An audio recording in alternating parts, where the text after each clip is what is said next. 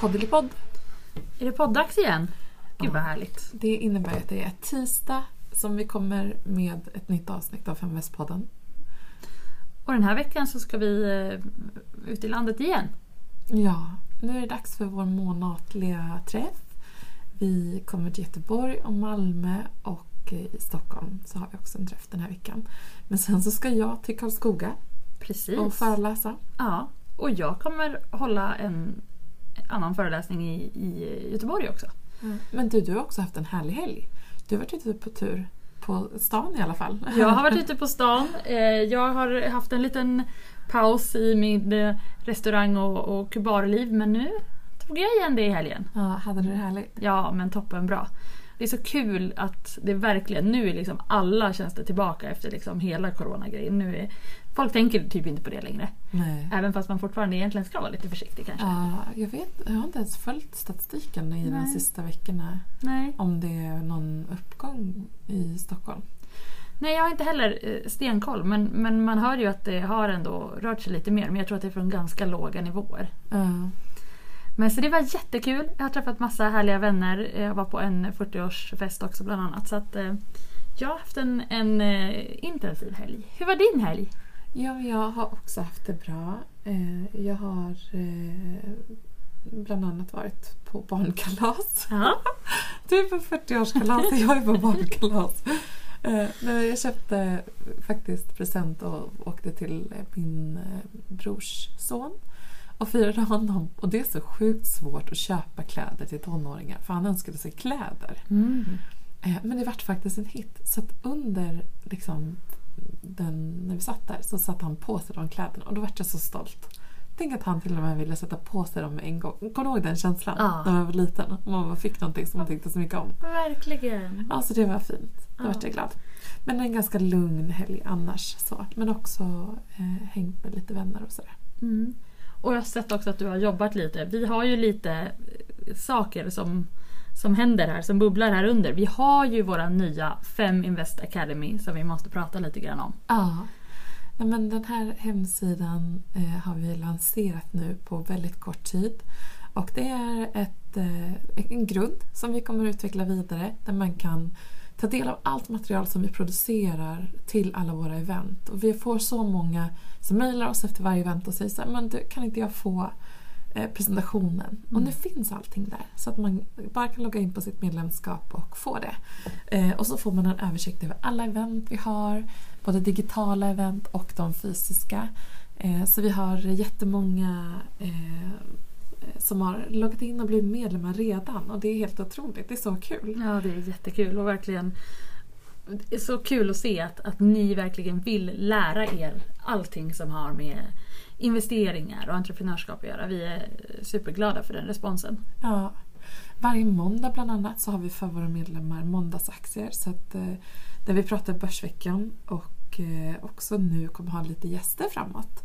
Eh, så det är eh, jättekul och jätte, ja, verkligen mycket samtal och så här, mycket diskussioner och svåra frågeställningar eh, blandat med liksom, ja, varför börsen har kaosat så mycket i det sista bland annat. Mm, ja. Alla, alla känner ju samma sak. Verkligen. Och förra veckan så hade vi faktiskt en digital utbildning i utdelningsstrategi. Ja, Och den var ju superpopulär. Vi hade ju massor av kvinnor som, som lyssnade in på den.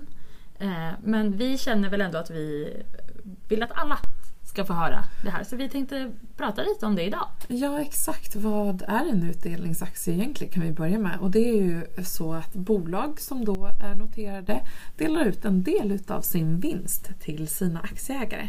Och det finns jättemånga bolag eh, i Sverige. Det finns ännu mer bolag på den amerikanska marknaden eh, som delar ut. Men många bolag som har funnits länge på börsen mm, är vinstdrivande år efter år. Bank, finans, industri, eh, är bara fastigheter är bara några exempel på där du hittar många utdelningsaktier. Aktier. Men varför ger då ett bolag utdelning? Alltså man kan ju säga att det har ju att göra med att man inte själv behöver investera all vinsten som blir i den egna verksamheten. Och man vill inte heller ge den till i höga löner till liksom VDn eller så. Utan man ger det som en andel till alla som äger aktien. Eh, så att eh, i de allra flesta fall så skulle jag säga att bolagen går med vinst. Men sen, sen ska man säga så här att en del utav vinsten behålls ju också ofta eh, och adderas till eh, aktiekapitalet som fritt eget kapital. Men utdelningen den betalas faktiskt ut eh, som oftast den andra bankdagen efter bolagsstämman. Och Ja, jag vet faktiskt inte om det är så men i alla, många fall så är det liksom någon gång per år som ett bolag ger utdelning. Mm, precis, jag tror att om man tittar på, på Stockholmsbörsen i alla fall så, så är det nästan alla bolag som delar ut en gång vad jag vet. Det finns väl ett par bolag tror jag som, som har en utdelning per månad. Ja, exakt. Det är ett nyare fenomen eh, som kommer. Men om man vill eh, söka sig till månatliga utdelningar så finns det många bolag i USA, bland annat, där man kan titta. Hur kommer det sig att de har en, en sån strategi och tradition av att göra det? Men det är ett populärt sätt för att få en jämnare, liksom att, att investerarna håller axeln. Eh, det finns ju de som till exempel bara går in och försöker fånga utdelningar i aktier. Men det gör att man faktiskt håller axeln länge. Mm, just det. Ja, för man kan ju ofta se det att när det närmar sig eh, den så kallade X-dagen, alltså den dagen som är eh, den, eh, den dagen som, som man handlar aktien utan utdelning. Så fram till den dagen så brukar många aktier ofta gå upp liksom flera procent. Ja, man kan säga så. så Bolagsstämman, man fattar beslut om att betalningen ska göras och så bestämmer man eh, avstämningsdagen. Sen så kommer X-dagen då man eh, kan handla aktien men utan rätt till utdelning. Och sen så kommer avstämningsdagen då som har fastställts på bolagsstämman. Och eh, på den här dagen så har innehavet införts i aktieägarförteckningen och ger då de personerna som äger aktien rätt till utdelning. Och den är oftast eh, två dagar efter bolagsstämman. Och sen sist men absolut den bästa dagen för den som är eh, utdelningsjägare. Eh, jägare, exakt. Eh, och då är det den dagen när utdelningen betalas in på brukskontot som är kopplat till värdeandelskontot. Det finns ju vissa eh, personer som jag har hört som har liksom, det finns ju många som har en utdelningsstrategi på sitt konto som kanske har ett, ett ISK eller en KF där de de har den här typen av strategi.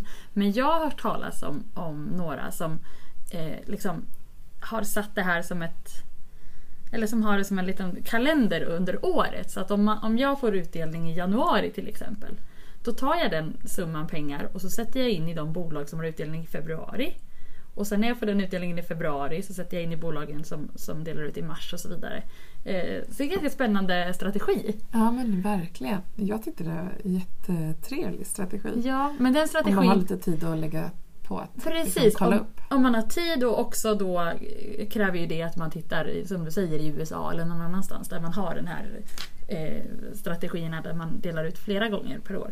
Men jag tänkte på det här med eh, som vi behöver tänka på om vi har eh, bolag som delar ut ifrån till exempel USA. Ja, exakt.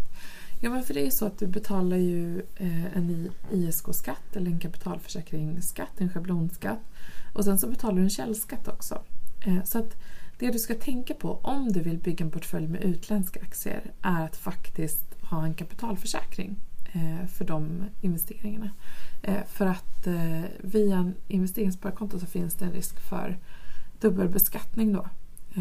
Men inte via en kapitalförsäkring. För där är du inte själv ägare utan där är det ju kapitalförsäkringen som, eller det bolaget som håller koll på de här bitarna. Mm. Vad skulle du mer säga kan vara viktigt att, att titta på när man ska välja sina utdelningsbolag? Ja, men du behöver kolla att, de, att det här bolaget har gett utdelning över tid. Jag menar, ett, en gång är ingen gång för mm. en utdelningsstrateg. Eh, sen så ska du titta på om den har ökat ännu bättre tummen upp. Mm. Kolla på kassaflöden, vinster, finanser för att se att det är bolag som passar just dig. Eh, och att de ja, men till exempel går med vinst och så vidare. Eh, vilket de bolag som ger utdelning år efter år alltså, gör. De går med vinst. Vet du egentligen vilka, vilka svenska bolag som, som har varit väldigt bra på det här, som har haft sån strategi? Jag kan inte komma på att jag har hört det. Vilka är de liksom, bästa utdelningsbolagen? De bästa utdelningsbolagen? Ja men eh, SSAB, Swedbank, eh, ja, men liknande bolag Ja. har, har ju en hög direktavkastning. Och sen är det väl vissa av de här bolagen som under Corona också hade lite paus i sin utdelning. Jag vet att jag såg att Swedbank hade det till exempel, en liten paus. Men de, de tog igen det sen. Ehm, Kinnevik tog också en paus. Det var ju osäkra tider där och i början så visste man inte, i och med att Corona bröt ut liksom eskalerade på våren när utdelningarna som oftast trillar in så var det många som eh, var försiktiga under, under den perioden. Men eh, sen så kan det vara bra att veta också att utdelningen, när de har betalats ut, då kan det faktiskt märkas på företagets aktiekurs.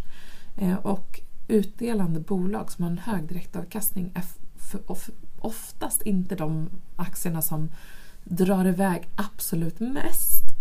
Utan eh, man betalar ju ut värdet hela tiden eh, till sina... Så det är det som är liksom en, ja, en kompromiss då, skulle man kunna säga. precis. Eh, vet du någon som lever på sin utdelning? Nej. Alltså jag känner faktiskt ingen som gör det Nej, inte jag. helt och hållet. Men. Men om man skulle räkna på... Eh, för jag, ni, hör, ni hörde mig säga direktavkastning och det är bolagets utdelning i relation till eh, dess aktiekurs.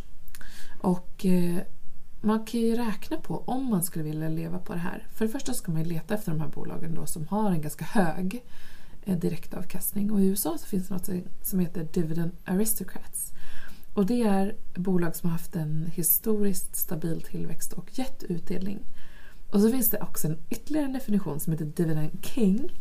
Och det är kanske en av de finaste utdelningstitlarna som finns.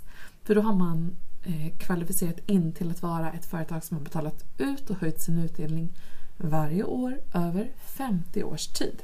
50 års tid. Ja, då förstår ni ju. Det här är ju liksom stabila bolag som har varit med länge. Så det är ju... Och det här kan ju, även när börsen backar, så kan ju det här vara intressant. Så om du tänker till exempel eh, om du vill leva på liksom 3-4% utdelning.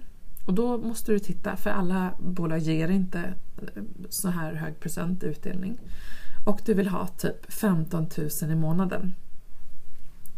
Då behöver du ungefär 4,5 miljon eh, i din aktieportfölj i utdelningsaktier med den här direktavkastningen för att få till det.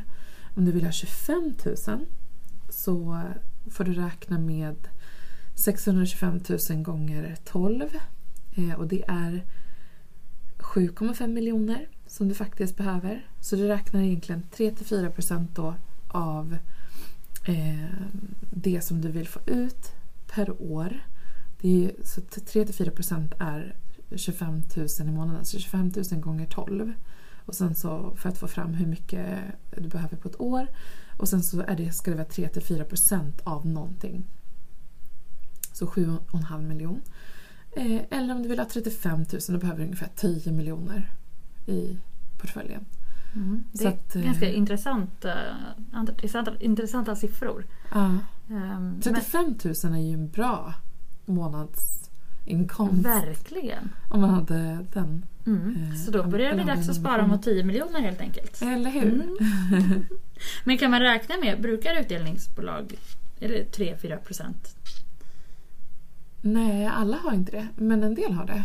Eh, Men du kan kanske, ja, över 2% i alla fall. Mm. Absolut, där f- finns det många bolag. Eh, Så där var ett litet tips till dig som vill komma igång och fundera på hur du ska komma igång med en utdelningsportfölj om du inte har börjat bygga den. Och för dig som eh, har börjat bygga den och har ytterligare frågor, hör av dig så tar vi upp dem i kommande poddavsnitt. Ja, Men nu ska vi prata lite annan, eh, ett annat tema. Så att eh, jag tänker att vi går över till veckans intervju, eller? ja, spännande.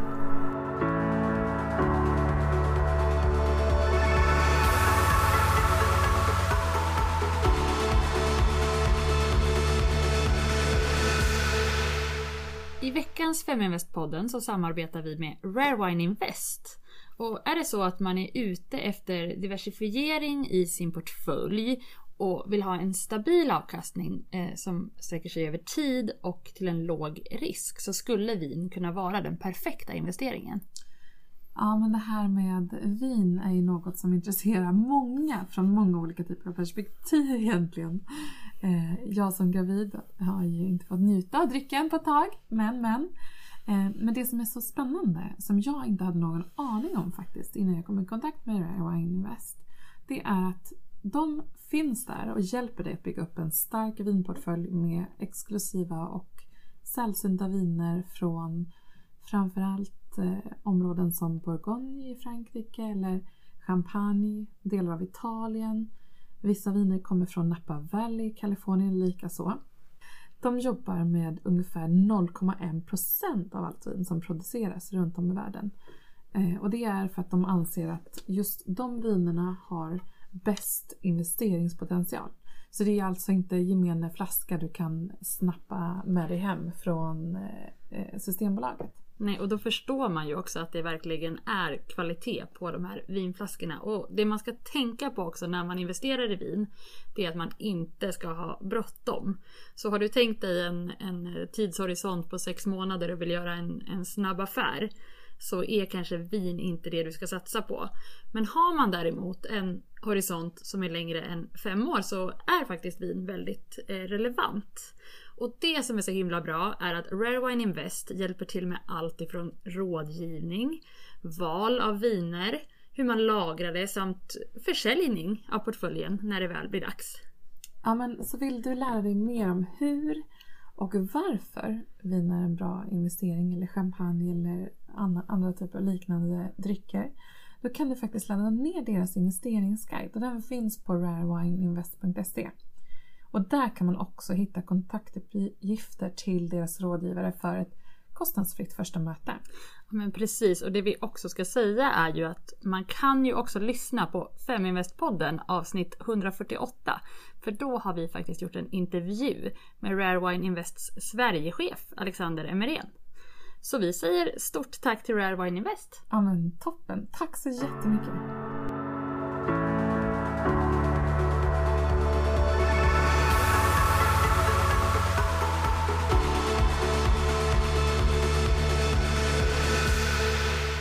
Har vi eh, också en superintressant gäst och hon är extra intressant just för att ja, men hon arbetar i en, i en bransch där det inte finns så många tjejer.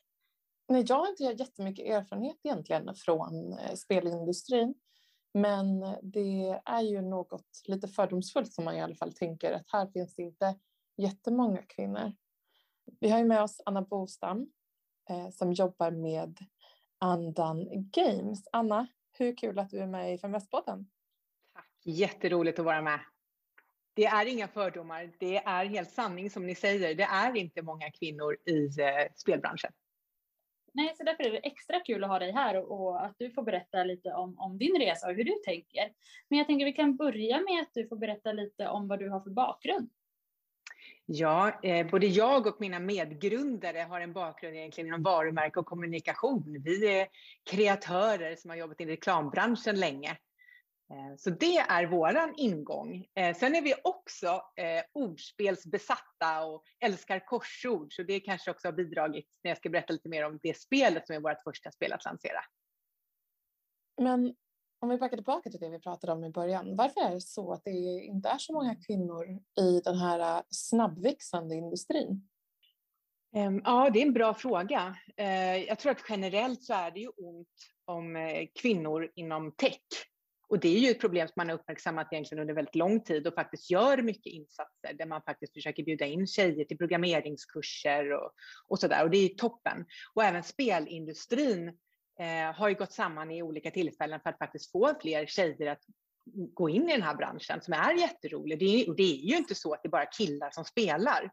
Eh, men däremot tror jag ju att det kanske är, eller jag vet, de flesta spelstudios grundar, grundas av tech-tokiga killar som tycker att det är kul att se vad man kan göra med teknik. Eh, och kan hända så har tjejer ofta en annan ingång eh, till spel. Mm. Ja, precis. Det är inte jättemånga tjejer man känner som gamer liksom, i jättestor utsträckning utan det känns lite som en mancave-sak. verkligen. Och om, om man tittar lite på, för du har ju som du säger den här, en annan typ av, av, av bakgrund och ingång i det här. Och gynnar det dig på något sätt att du inte har den här klassiska techbakgrunden och på vilket sätt gynnar det ert bolag? Jag, jag, tror att eh, emellanåt så kan man ju känna att man saknar den där tech-bakgrunden såklart. Och man önskar att man kunde förstå alla, alla saker kring de tekniska plattformarna.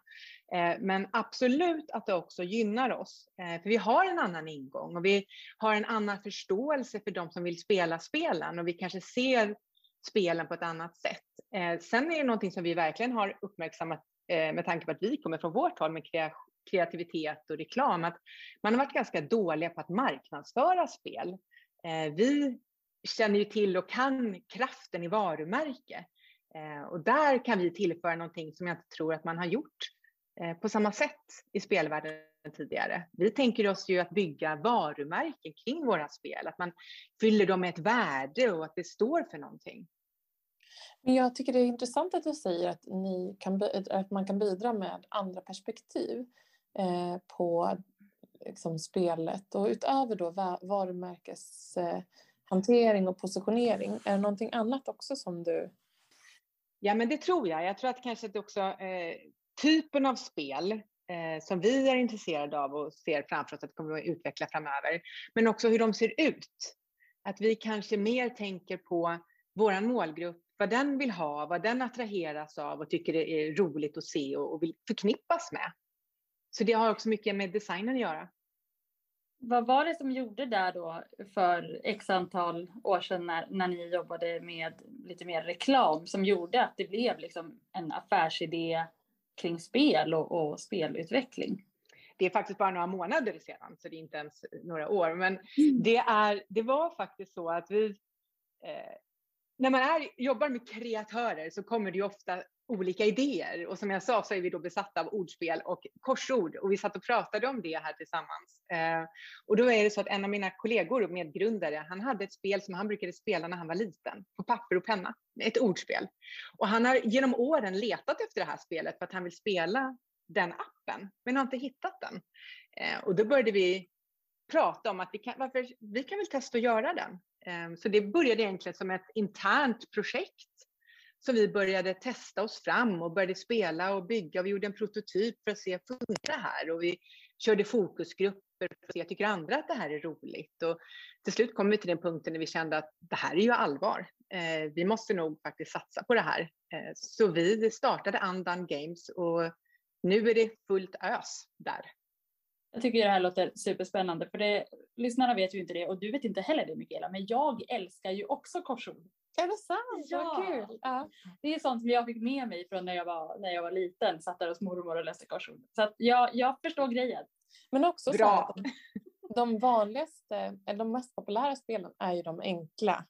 Där man inte liksom, ja Candy Crush eller Tetris eller eh, så som är, och Wordfeud för den delen har ju också blivit omåttligt populärt. Men kan inte du berätta lite mer om vad som skiljer er där och vad ni erbjuder? Ja, eh, alltså jag måste säga vi, när, vi har, när vi insåg att vi, vi kommer faktiskt starta den här spelstudion så var vi ute och träffade jättemånga inom spelbranschen för att lära oss. Eh, och då märkte vi ju att de flesta spel som utvecklas, i alla fall som vi har stött på, då är det ju mycket det, man ska ha sin avatar, och det ska mycket eh, cool grafik och, eh, och sådär. Men det är inte riktigt där vi befinner oss, utan vi vill göra ett ordspel som man känner att det här är smart, det här är snyggt. Eh, och det är roligt att du nämner Wordfeud, för det är ju så att vår målgrupp, eh, alla spelare har ju spelat Wordfeud. Eh, vår målgrupp eh, gör också dagens Word eller New York Times. Det är en, en annan typ av, av spel kan man ju säga. Men berätta gärna lite mer kring hur ni tänker kring målgrupp. Mm. Det, det, var väldigt roligt när vi började luska i det här då och titta vem är det som eh, spelar den här typen av spel. Och då inser vi ju att det här är den enda mobilspelskategorin där kvinnor är eh, dominerande och faktiskt kvinnor som är över 40. Så det är en ganska speciell grupp egentligen och, och lite glömd ska jag väl inte säga, men vi känner i alla fall att det här är en väldigt intressant målgrupp som vi förstår oss väl på. Jag kommer ihåg när jag var uppe hos min moster i Norrland. Vaknade på lördag morgon eh, av ett liksom, spelljud från köket. Där hon då satt. Eh, då var det någon form av djurpark eller liksom, som hon hade. Så hon bara, ja men jag måste mata djuren och liksom, ta hand om dem. Så, ja, jag tror att, eh, att det är många som kan attraheras av mm. den här typen av spel. Mm, jag tänker också mycket äldre människor att de kanske är lite, lite ensamma. Det blir lite sällskap att sitta där med, med sin, sina spel eller sina korsord eller vad det nu kan vara. Och järngymnastik. Ja, verkligen. Ja, det är det faktiskt också, verkligen. Men det här är en, en, det här är en picky målgrupp. Man vill att det ska vara smart och kul och utmanande och man vill, man vill absolut inte till exempel kunna köpa fördelar och bli, fuska sig till eller köpa bomber för att förstöra för mm. sin motståndare. Det här är en målgrupp som vill att det ska vara fair. Det ska vara klurigt och utmanande. Och så ska det också kännas jädrigt bra. Det måste vara ett kul och bra spel. Ja ja, jag tycker det är jättespännande det här verkligen. Och ni är ju som sagt i en mansdominerad bransch. Vad får ni för feedback från, från killar och män som jobbar med det här? Mm. Det har varit väldigt roligt, jag ska, genomgående otroligt positiv feedback. Eh, det känns som att spelbranschen är en väldigt bjussig bransch. Eh, jag vet inte om det har att göra med vilka människor som är där eller att den är relativt ung. Men det är väldigt generöst. Man vill dela med sig av kunskap och bjuda in och lyfta varandra. Eh, så det har varit väldigt positivt, eh, verkligen. Vi känner oss superpeppade. Ehm, sen är det klart att, att många av de vi har träffat då har det varit som sagt en annan typ av spel. Och det finns någonting som i alla branscher såklart, att så här gör man. Eh, man testar, man mäter resultaten på dag 3, dag 7, dag 30 när man lanserar och så vidare. Massa sanningar. Där känner vi att vi kommer in lite utifrån och kan göra det här lite på vårt sätt och vågar tänka lite andra typer av marknadsföring såklart. Eh, kanske samarbeten. Ja, lite på ett annat sätt. Men där har vi också känt att de vi stöter på tycker att det här låter spännande och kul. Så vi har faktiskt inte stött på någon, någon, någon negativt alls faktiskt.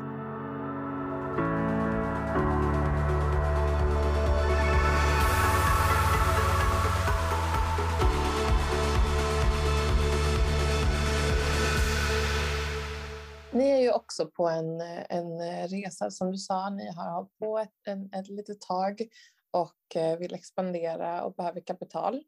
Mm. Eh, dels så är jag nyfiken på liksom, kapitalanskaffning inom spel, för det krävs ju mycket kapital i, för att utveckla stora spel. Men var befinner ni er på den skalan först?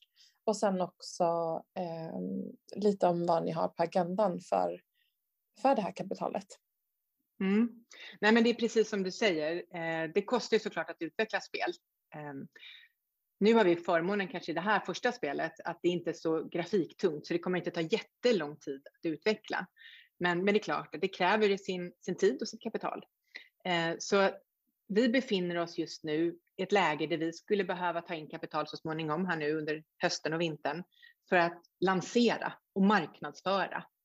Eh, och sen så är det också så att man lanserar ett spel så är det ju såklart att det är en kostnad fram till lansering. Men sen kommer det ju, sen ska det här leva. Det ska underhållas, det ska kanske byggas på, det ska eh, hanteras kommentarer. Så man kräver ju också ett visst, att vi måste bygga bolaget för att också kunna ta hand och driva det här spelet framöver. Och utveckla flera spel såklart. Så vi, just nu befinner vi oss i ett läge där vi eh, kommer att ta in kapital under hösten som sagt. Ehm, men då är det också så att faller det testet ut, väl ut och vi ska göra en större lansering, det är då man behöver få in de stora pengarna för att faktiskt kunna göra den lanseringen. Men då har man olika mätpunkter som man redan kan på något sätt bevisa att det här kommer att funka. Så det är dit vi siktar nu. Så en seed-investering eller pre-seed? Ja, alltså vi har en, en investerare med oss nu redan, eh, vilket känns väldigt skönt. Det är Nordic Game Venture som äger 9% av oss. Så att där befinner vi oss. Och vad letar ni sen då efter när ni, när ni samarbetar med nya investerare? Ja, vi brukar prata om att vi jobbar bara med människor vi gillar. Eh. Det får man väl säga i allra högsta grad gäller det när det kommer in en investerare. Man vill att det ska vara någon som är seriös, eh, som är långsiktig. och som man klickar med. Som man känner att man vill ge sig ut på den här resan som det faktiskt klyschigt är tillsammans och faktiskt bygga andan vidare långsiktigt. Så det känns mm. viktigt att det är någon som kommer in som, som vill vara med på resan. Vilken eh, marknad har Sverige internationellt när det kommer till spel och den här typen av spel? Eh, Sverige är väldigt starka inom spel, men primärt kanske man ändå kan säga att det är dataspel och konsolspel där Sverige är giganter verkligen. Eh, när det kommer till mobilspel så skulle jag nog lyfta Finland som kanske den starkaste aktören eller marknaden. Det är de som är jättevassa på det. Mm, det är jättespännande och det är också eh, viktigt att ha liksom, eh, länder eller andra typer av bolag som man liksom kan tävla lite emot så att man inte är störst, bäst och vackrast redan från början. Nej, precis. Man vill ju ha någon att lära ifrån och snegla på. Det känns jätteviktigt. Ja. Och där har vi faktiskt förmånen också att vi sitter i Malmö som faktiskt är en hubb för spelutvecklare i mångt och mycket. Så det har varit eh, fantastiskt att knyta kontakt med alla de här. Är stora nätverk verkligen som hjälper varandra och stöttar varandra. Eh, jättebra Anna och tack snälla för att du var med i Feminvest-podden idag. Eh, och är det så att våra lyssnare skulle vara nyfikna på att veta mer om dig eller Andan Games, hur gör de då? Jag skulle säga att enklast är nästan att hitta oss på LinkedIn, där vi då är under Andan Games och kontakta oss där. Mm. Men du, all lycka till med de här häftiga ambitionerna. Tack så jättemycket och jag lovar att ni ska få spela spelet före alla andra när det är dags. Det ser vi fram emot. Ja, verkligen. och vårt första spel heter Letter Me, så det får ni lägga på minnet. Mm. Och när lanseras det? Vi siktar på en alfa-release i oktober. Ja, men det är, det är nära. Det är jättenära. Ja. Mm. Ja, coolt. Letter Me får man hålla utkik efter då, med andra ord. Ja, det tycker jag mycket.